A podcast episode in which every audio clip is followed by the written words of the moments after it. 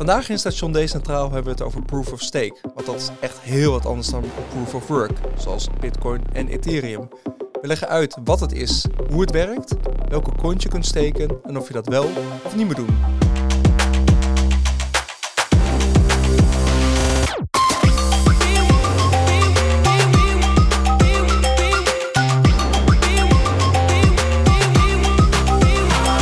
Hey uh, Danny, bandje loopt. Vandaag gaan we het hebben over steken. Oh, hij, lo hij, hij loopt. Oh. Bandje loopt. We lopen. Hij is rood. We lopen al, joh. Lekker. Um, aflevering 6 van Station Decentraal. En vandaag gaan we het hebben over staking. Um, ik heb uh, een beetje ingelezen. Steken, dat is um, super interessant. Want daarmee krijg je eigenlijk rente op je crypto. Uh, steken kan niet met bitcoin. Want steken is proof of stake. En bitcoin is proof of work. Um, en dat proof of work houdt de transacties en het netwerk veilig. Gaan we meteen een beetje de diepte in. Ja, Danny, uh, ik heb me echt goed ingelezen vandaag. Ik ben onder de indruk door uh, dit. En dus Bitcoin is proof of work. Daar hebben we het de vorige afleveringen echt over gehad. Uh, en de andere, die grote, andere grote variant is proof of stake. Maar wat kan ik dan nog meer met steken? Ik weet dus, hè, daar kun je dus rente op je, op je crypto krijgen. Dat kan interessant zijn. Um, want je zet je crypto zet je vast. eh, en daardoor word je beloond met een soort rente. Um, kun je eens even uitleggen wat dan dat proof of stake echt is? Ja, nou ja, we hebben het tijdens de aflevering over minen eigenlijk gehad. Hè, van hoe, hoe werkt dat nou eigenlijk bij Bitcoin? Van hoe hou je dat netwerk nu eigenlijk veilig? En Bitcoin en uh, nou ja, meerdere andere tokens die, die gebruiken daarvoor uh, proof of work. Um, wat dus eigenlijk wil zeggen dat ja, door uiteindelijk fysiek ja, fysiek werk te verzetten. Dus eigenlijk door energie te gebruiken en computerkracht te leveren.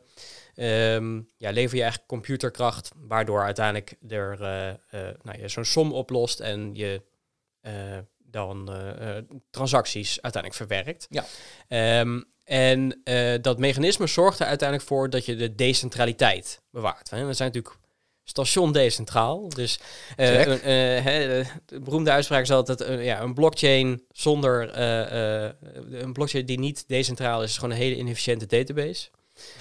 Um, is dat ja, door, ja, doordat een blockchain decentraal is, dat maakt ook dat die net veilig is en dat er niet wat één iemand is die heel makkelijk het netwerk kan overnemen en dan zijn eigen regels uitvoeren. Dus door, Mhm. doordat je er zoveel mensen hebt die tegelijkertijd allemaal minen, uh, dat houdt eigenlijk het netwerk veilig. En hoe meer, ja, hoe, hoe groter dat eigenlijk uh, is en hoe meer verdeeld, dus hoe decentraler, hoe veiliger het netwerk. Dat is eigenlijk hoe het bij Bitcoin werkt.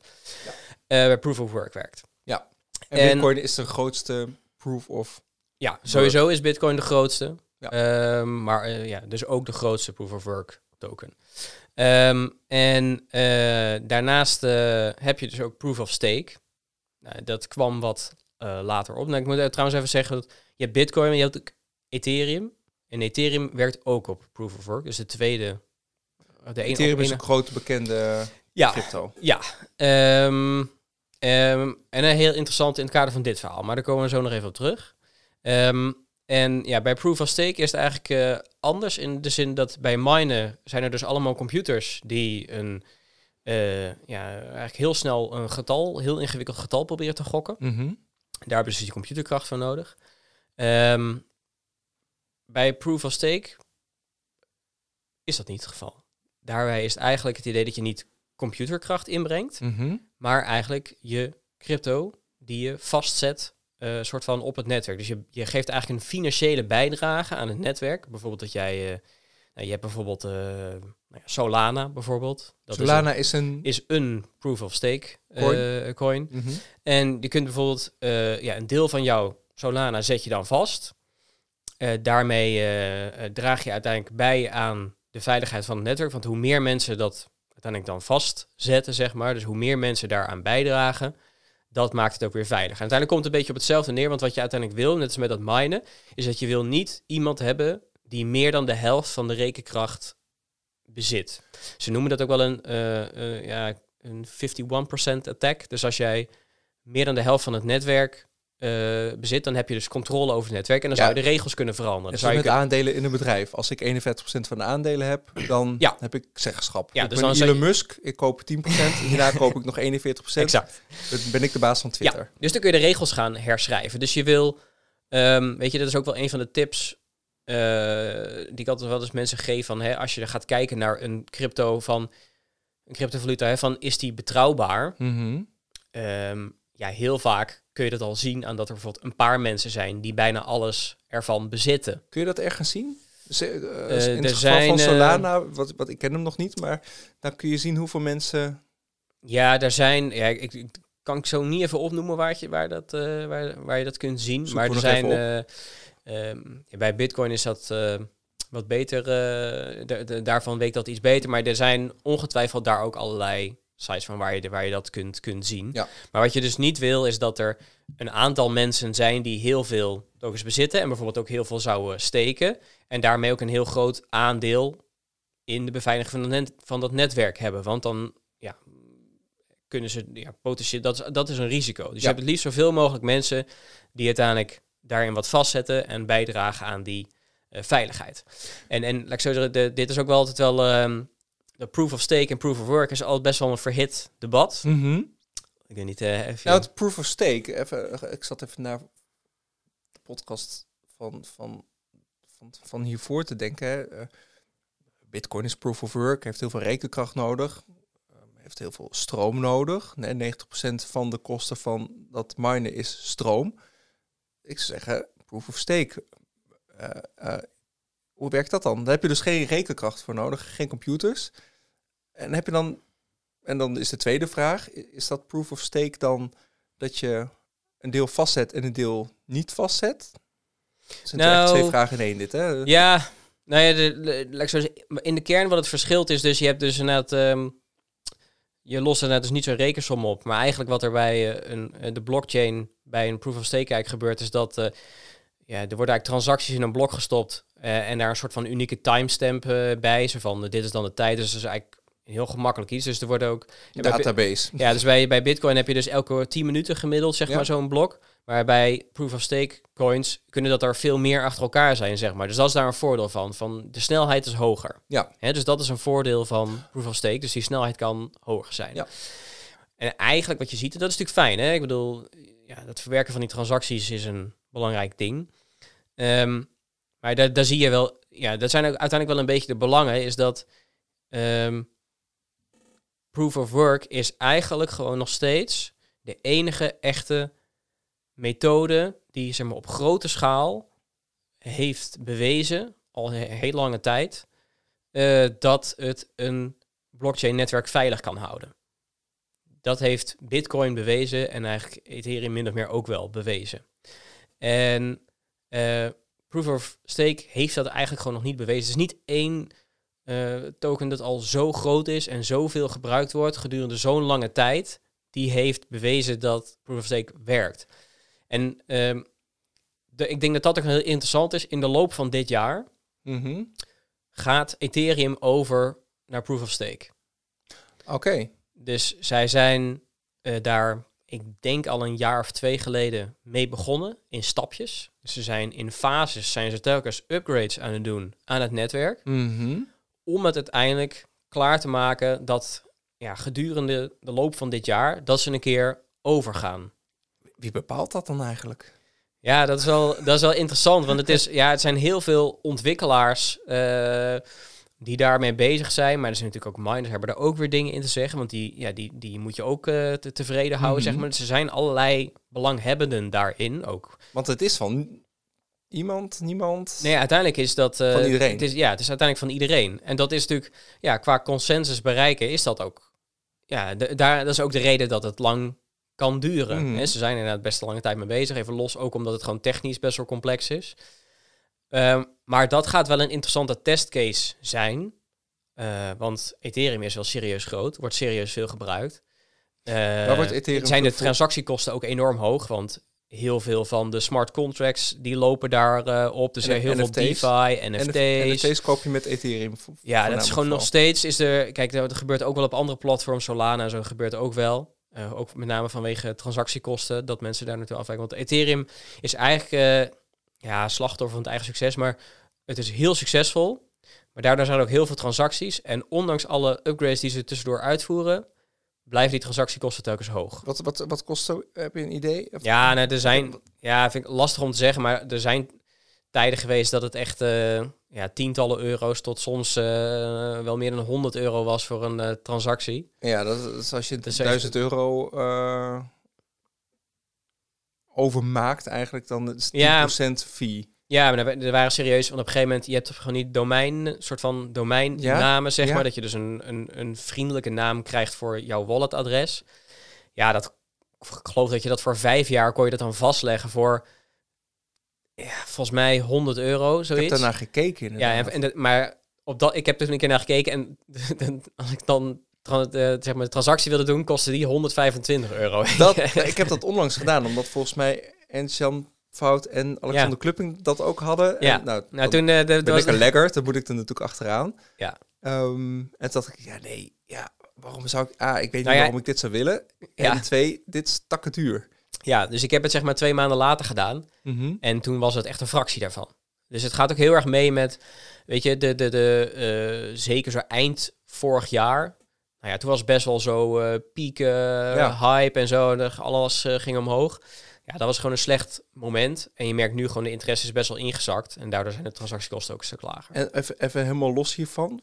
We dwalen een beetje af, maar dat mag volgens mij. Waarom zou je zo'n .eth domeinnaam willen? Ja, omdat dan heb je iets wat je vriendelijk kunt schrijven. Dus uh, nu... Oh, maak geld over naar danny.eth. Ja, dan kun je dan gewoon dat gebruiken inderdaad. Ja. En omdat het Ethereum is, is het ook, het werkt ook voor meerdere tokens. Dus als jij andere tokens hebt, uh, want je hebt Ethereum, kan gewoon Ethereum overmaken, maar er zijn ook tokens die draaien op Ethereum. Ja, die kun je ook, uh, zeg maar, sturen. Dus uh, het is best wel...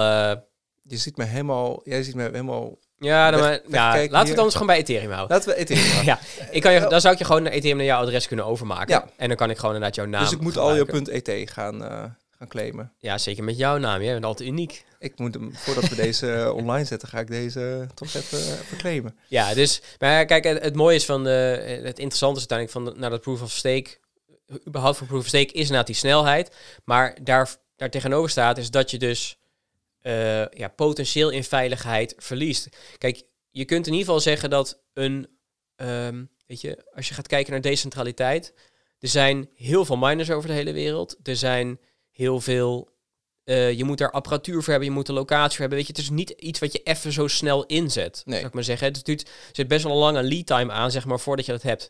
Plus daarnaast is het inmiddels zo, maar goed, dat geldt dan puur nu eventjes voor Bitcoin als jij zeg maar zo groot deel van de miningcapaciteit zou inkopen om zo'n aanval uit te voeren, ja, dan heb je, zou, je, zou je zo belachelijk veel geld van, voor moeten hebben, zou ik maar zeggen. Dat is eigenlijk al praktisch onuitvoerbaar. Nee, is ook gewoon niet meer interessant om te doen.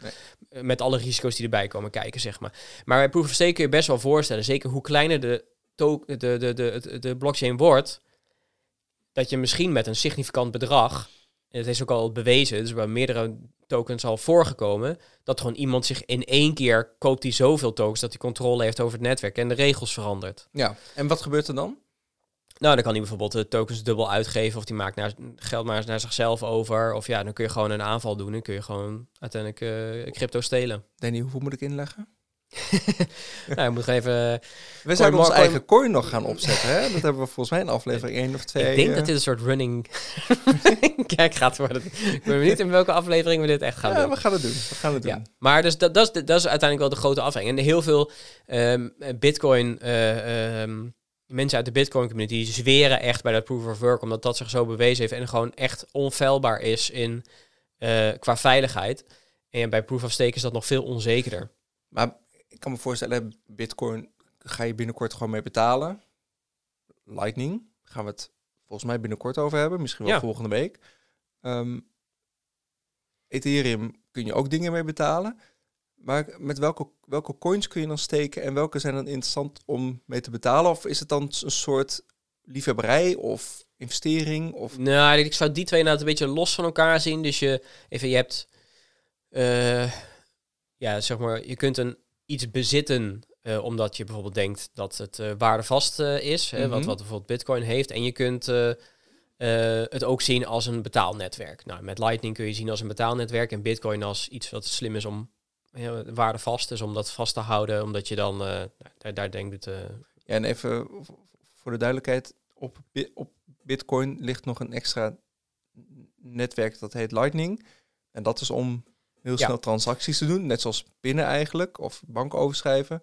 Ehm, Ja, maar eh, kijk, als je het hebt over eh, andere tokens, bij, kijk, bij, bij Ethereum, daar zijn ook heel veel mensen die dat bezitten, omdat je denkt ook dat het meer waard eh, Mhm. eh, wordt. Ehm, maar dat geldt ook voor nou, Cardano of Solana of ik zal even kijken wat is er nog meer. Tezos is Proof of Stake. Ehm, ja, je Algorand. hebt nu een lijstje met coins die je kunt steken. ja, ik zit even. Ja, dat zijn in ieder geval even de dingen die me zo even te binnen schieten. Waar ik denk, nou, die zijn wel wat, wat bekender. En wat, hoe het daar dus vanuit gebruikersperspectief werkt, is dat, nou ja, stel jij hebt 100 Solana, ik zeg maar wat. Die kun je dan eh, vastzetten, soort van. Dus die, die stel je beschikbaar aan het netwerk. En ehm, die staan dus ook echt op de blockchain. En afhankelijk van eh, nou, welke. eh, ja, bij Solana denk ik dat het volgens mij iets van 5 à 6 procent is of iets dergelijks. Mhm. Misschien nog wel meer. Dat krijg je dan uitgekeerd eh, eh, voor het beschikbaar stellen van die tokens. Dus het is een soort eh, premie die je krijgt voor bijdrage aan de veiligheid van het netwerk. Check. En voor jou is dat rente. Ja, en dan krijg ik dus meer Solana. Ja. Klinkt toch een beetje gek. Een beetje Solana, dat klinkt als een ijsje. Ehm, Solero, ja. Sol- Lijkt ja. Solero, ja, Solana. Ehm, dus ik koop 100 Solana. Ik zeg 50 zet ik vast. Dan krijg ik 6% Ja. Solana rente op. En die andere 50 kan ik gewoon mee doen. Wat ik, wat Ja, ik dan kan je ook, kijk, en, ehm, ehm, kijk, ik zeg het vastzetten. Maar eh, je kunt het misschien wel vergelijken met een spaarrekening. Kijk, eh, eh, vroeger, toen kreeg je natuurlijk nog rente, hè? Ja, Dat weten wij nog, wij zijn ook al oud. Eh, maar dan, ja, je kon iets op je spaarrekening zetten en daar kreeg je meer rente op dan op je lopende rekening. Ja. Maar ik kan het wel eh, in principe met één handeling naar mijn betaalrekening zetten en dan kan ik gewoon iets mee kopen. Ja. Kan ik er een Solero mee kopen. ja. Ehm, ja. Solana, ja.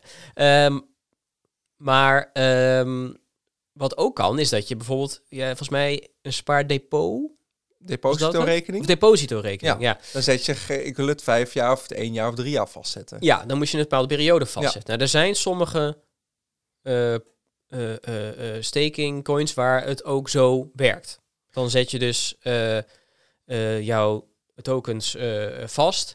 Eh, hoef je niet per se voor een bepaalde tijd te doen. Mhm. Eh, maar wel dat bijvoorbeeld zegt, je hebt zogeheten banding en unbanding periods. Dus op het moment dat je het vastzet, dan moet je bijvoorbeeld zeven dagen wachten. En dan staat alles soort van echt in staking. Maar ook als je het eruit wil halen, dan moet je ook zeven dagen wachten tot het weer... Volgens mij Polkadot heeft dit bijvoorbeeld. Eh, dus dan moet je inderdaad eh, ja, zeven dagen wachten tot het helemaal eh, ja, volledig zeg maar gesteekt is.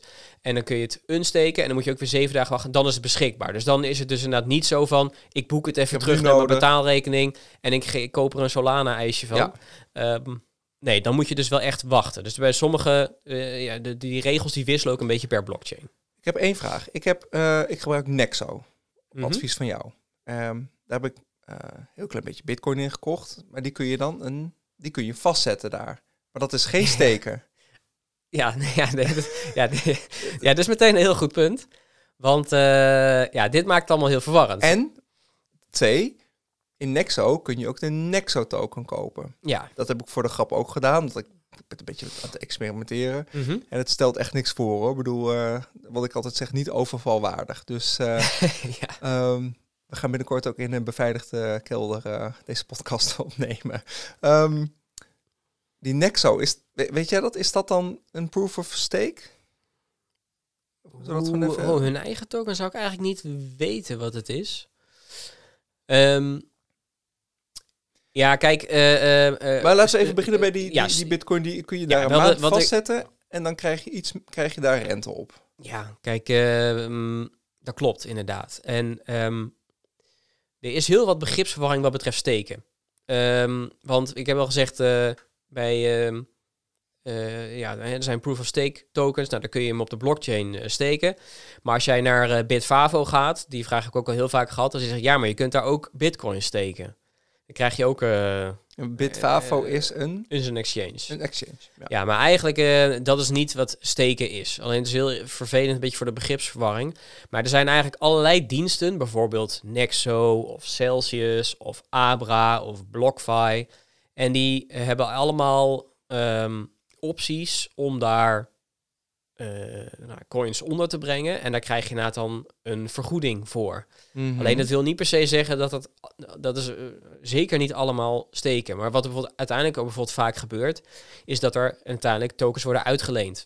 Hè, er zijn bijvoorbeeld mensen die kunnen heel goed handelen. Mhm. Dus die lenen dan tokens, die gaan ermee handelen. Die komen daar beter uit. En die betalen dan een bepaald rentepercentage.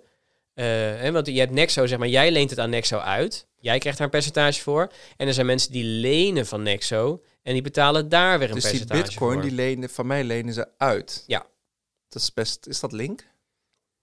Eh, nou ja, voor diegene die leent, die moet wel gewoon in staat zijn om die lening natuurlijk terug te kunnen betalen. Dus Ja. die loopt, die, die neemt daarmee altijd een risico eh, door dat te lenen. Ehm, en, maar goed, daar, daar hebben ze ook allerlei veiligheid. Je mag dus niet te veel lenen, je moet een onderpand hebben. Het moet altijd zo, hè, nog voor veilige marge ten opzichte van je Mhm. onderpand. eh, en anders moet je alvast een deel gaan terugbetalen. Ehm, maar ja, dat is in feite wat daar gebeurt. En bijvoorbeeld Celsius weet ik, eh, die zijn actief in, die zitten in de VS, maar die hebben zelfs, die zijn zelfs zelf een heel grote, een heel groot miningbedrijf.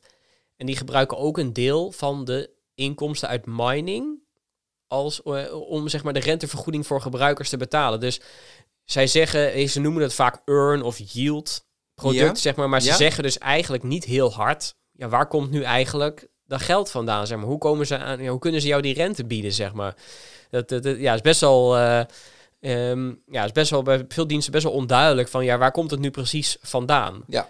Eh, en ja, soms is het gewoon een deel inderdaad dat iets echt gesteekt wordt, maar er zit ook heel vaak de, een soort eh, lenen, uitlenen product Dus bij. eigenlijk, wat ik bij Nexo heb staan, dat is eigenlijk, wordt dat meteen uitgeleend aan mensen die daar andere dingen mee doen. Dus ei- eigenlijk, ik krijg wel rente in bitcoin.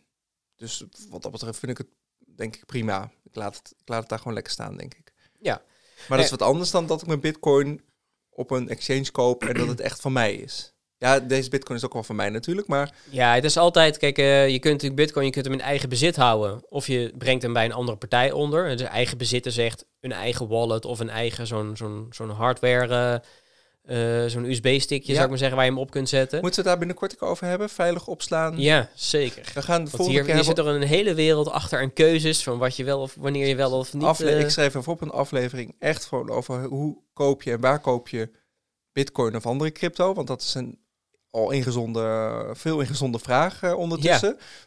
Even tussendoor, als je een vraag hebt over bitcoin, alt- alternatieve coins, decentrale dingen, eh, mail hem gewoon naar info.stationdecentraal.nl. Komt er bij ons binnen, gaan we hem uitzoeken en behandelen. Ja, Ehm, want inderdaad, eh, ja, de bitcoin stroom stroom al best wel binnen. Want Wilbert die wilde inderdaad weten, inderdaad, waar je nou het beste, eh, hoe je nou het beste daaraan kunt beginnen. Ja. Dat kopen. Dus die gaan we inderdaad zeker En behandelen. dan hoort daar bewaren ook, ook bij. Doen we Ja. even twee, denk ik, twee verschillende afleveringen. Gaan we dat maakt het, eh, maakt het mooi overzichtelijk. Ja.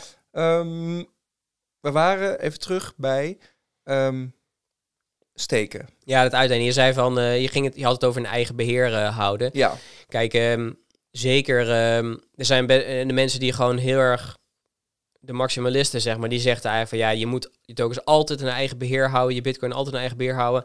En als je het bij een partij onderbrengt, je loopt altijd, zoals ze zeggen, counterparty risk. Dus je hebt een tegenpartij ineens. Ja. En dat kan zijn omdat die bijvoorbeeld, ja, je vertrouwt je tokens toe aan die partij. En die kunnen natuurlijk, die kunnen gehackt worden. Of die kunnen failliet gaan. Hè, de, eh, of die kunnen, er kan misschien met het businessmodel iets niet eh, lekker gaan, zeg maar. Dus ja, dat is wat zij, hè, de, mensen die echt heel erg voor het zelf vasthouden zijn. Ja, die zijn niet echt voor dit soort diensten. nee. eh, nou, ik, ik luisterde een tijd geleden de podcast van Daniel Verlaan. Ik weet je wachtwoord. Ehm, echt wel interessant, waar inderdaad gewoon mensen ehm, door een hack of doordat ze zelf hun wachtwoord hebben uitgegeven of gereset, ehm, dat hackers, dus niet het bedrijf zelf, maar gewoon hackers natuurlijk gewoon eh, een, een bitcoin wallet ehm, leeg hebben getrokken. Maar we hebben het over proof of stake. Kan dat dan ook bij proof of stake? Nou, ehm, ja, eh, kijk, laat ik zo zeggen. Hoe ehm, veilig is dat? Is dat veiliger dan, dan nou, proof of work? Of? Ik denk het belangrijkste in het kader van, van staking is, is dat je, je kunt dus steken op de blockchain. Dus Mhm. dat je gewoon echt eh, dat echt op de blockchain zelf doet. Op een, dan bij, bij Ethereum bijvoorbeeld. Daar kun je dus nu al steken. Er zijn al heel veel mensen die dat doen.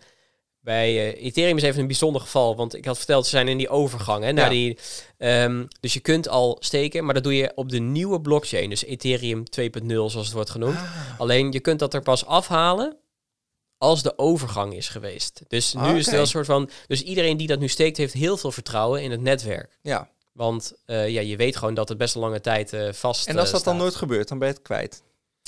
Ja, dat is inderdaad wel het vertrouwen wat je daar Ja. neerlegt. Ja, ja, ja, ja. Dus, ehm, maar dat is inderdaad een beetje, dat is uiteindelijk wel een bijzonder geval. Maar dat zet je dus echt op de blockchain. Dus dat kan ook, bijvoorbeeld, eh, kun je net eh, ook in een eh, in, volledig in je eigen wallet doen. Dus dat is best wel, laat ik zeggen, het is veilig in, het, in de zin van je hebt niet een exchange of een andere dienst, counterparty nodig om dat te kunnen doen. Eh, maar bij ja, het lenen, uitlenen, ja, daar zit er altijd dus een partij tussen. En ook wel een soort van risico natuurlijk. Want ja, je wordt, het is altijd een risico dat. eh, ehm, ja, aan het uitlenen zit natuurlijk altijd wel iets van een risico. Aan uitlenen zit altijd risico. Ja. Als ik mij een boek aan je uitleen, dan kan ik hem voor de helft terug. Ik, je hebt nog een boek voor mij. Denk ik me nu. Oh. Ja. Hm. Eh, ja. Danny. Ik hoop dat ik hem heel terug krijg. Maar dat kan bij eigenlijk een beetje synoniem als uitlenen van. Ja. Ja, nou ja, en ehm eh, laat ik dus in die zin, eh, steken is wel. eh, ik herinner me nu welk boek. Oh. Welke, de meeste mensen deugen, Danny. Dat boek moet ik nog van je terugkrijgen. nou, mooi dus ik weet dat. niet hoor. Ehm, Ik ga even niks meer zeggen Nee. hierover. en ik hoop dat hij nog heel is. Want het is Ja. een gesigneerd exemplaar. Zo Harold Dunning. Ehm, welke coins kun je steken en hoe doe je dat? Dat is volgens mij wel nog een beetje mijn, mijn vraag. Dus ik heb, Ja, nou, als je, als, je, als je echt wilt steken, zeg maar, dus dan, dan ga ik het even niet hebben over allerlei uitleendiensten en dergelijke. Mhm. Ehm, ja, dan kom je wel op een ja, weg dat het toch eigenlijk niet heel makkelijk is. Want je moet vaak steken wel bijvoorbeeld op een eigen nood. Nou, daar kom je er al op. Niet iedereen kan dat zomaar eventjes opzetten. Oké, Wordt dus na best wel complex. 26 minuten over steken praten, kom jij met het is helemaal niet te doen. Nee, voor, voor, voor- zijn we voor, ja, zeker niet voor iedereen is dit inderdaad, eh, is dit inderdaad eh, te, te doen. Ehm, dus kijk, wat in de praktijk gewoon wel vaak gebeurt, is dat bij Ethereum bijvoorbeeld, eh, daar moet je, volgens mij als ik het goed zeg, als je wilt steken, dan moet je een eigen nood hebben. En ik meen dat je zoiets van 26 Ethereum eh, daarop moet steken, zeg maar, om zo'n bepaalde nood te kunnen draaien. En wat is een noot en waar draai je die? Eh, Noot is N-O-D-E en ja. niet noot van muzieknoot. Nee, dus Nee. eh, dat is eigenlijk een, eh, ja, een, een, uiteindelijk dat jij één, ja, noem het een server, maar je draait inderdaad een servertje die de code van de blockchain draait, transacties verifieert. Ehm, en daar zet je dan uiteindelijk, daar steek je die Ethereum op. Maar ja, 26, val even uit mijn hoofd, Mhm. is best wel veel. Eh, hij is ongeveer 3200 dollar, geloof ik, op dit moment. Eh, dus dat is niet voor iedereen weggelegd. Nee, dus ik moet een paar Ehm, duizend dollar hebben dus om dat te kunnen doen. Ja, dus en het is ook nog zo, kijk, elke blockchain heeft weer zijn eigen noten, zijn eigen manier waarop je het vastzet. Dus wat je in de praktijk toch wel ziet, is dat er best wel wat partijen zijn die, ja, die dat aanbieden. Weet je, waar je tokens neer kunt zetten en die het dan namens jou steken en daar Mhm. dan een percentage voor eh, vangen. Of bijvoorbeeld bij Ethereum, die dat doen en dan kun jij dan daar je Ethereum neerzetten. Ehm, maar dan hoef je niet per se 26 Ethereum te hebben. Dan zou je ook kunnen zeggen, oh, ik doe er, ik doe er 0,3, Ja, zou ik maar zeggen. Dus zij zijn ja, allemaal weer tussenpartijen die dat toegankelijker maken. En, En- en Kraken is een voorbeeld van een exchange die dat wel voor veel tokens aanbiedt. Ehm, en is dat interessant dan om te doen? Wel, ik, Eh. heb, ik heb duizend euro over. Ja. Ik denk, Danny, ik ga dat straks voor de... Nou, niet duizend euro voor de grap. Ehm, ik ga dat proberen. Ik maak duizend euro over naar Kraken. Die steken dat voor mij in Ethereum. Of, of in een andere... ja, En, en Ja, dan... je, je komt een beetje in het vaarwater van wij geven geen beleggingsadvies. nou ja, kijk, heel eerlijk. k- kijk naar Bitcoin. Heb je enig idee wat de, de ongeveer de waardevermeerdering van Bitcoin is? Als je het hebt over een periode van tien jaar. Ja, van 75 naar 40.000 dollar. Ja, ja la- op, jaar, la- op jaarbasis, om het iets makkelijker te maken. Mm, Nee. Ehm, als ik het goed heb, is het zo dat die gemiddeld elk jaar verdubbelt. Oké, ja. Ehm, en laten we zo zeggen, als ik het fout heb, dan is het elke twee, dan is het elke twee jaar. Ja. Alsnog 50 of 100% groei. Mhm. Je moet je afvragen eh, of je, als jij je vermogen wil doen groeien, of je dan heel erg gaat zitten kijken naar eh staking coins, omdat je die kan steken en dat je dan een vast percentage van eh 5% op jaarbasis krijgt. Mhm. Of dat je gewoon veel meer gaat kijken naar wat vind ik een waardevol digitaal asset, Bitcoin of Ethereum bijvoorbeeld. Kijk, en dan heb je al zo'n groei te pakken. Ja, moet je dan bijvoorbeeld, hè, dat zeggen ook veel mensen, moet je dan bijvoorbeeld extra risico gaan lopen met het uitlenen ervan? Hè? Is die waardevermeerdering door het gewoon vast te houden niet genoeg? Mhm. Ehm, dus ja, ik zou ook wel, weet je, steken is in die zin leuk als het een token is waar je zelf in gelooft en waarvan je denkt van, eh, nou ja, die, die, die wil ik bezitten. De Alio Dan, coin. ja, precies. Nou ja, vooral, eh, Vooral die. vooral eh, gaan, gaan, gaan doen. Ehm, maar ja, ja, probeer altijd een beetje hoofd- en bijzaken te scheiden in die zin. Weet je, probeer vooral naar te kijken naar eh, nou ja, waar je, wat je waardevol vindt. En als dat dan toch inderdaad de proof of stake eh, blockchain is, nou ja, dan is het interessant om te kijken om die gaan, vast te gaan zetten. Check.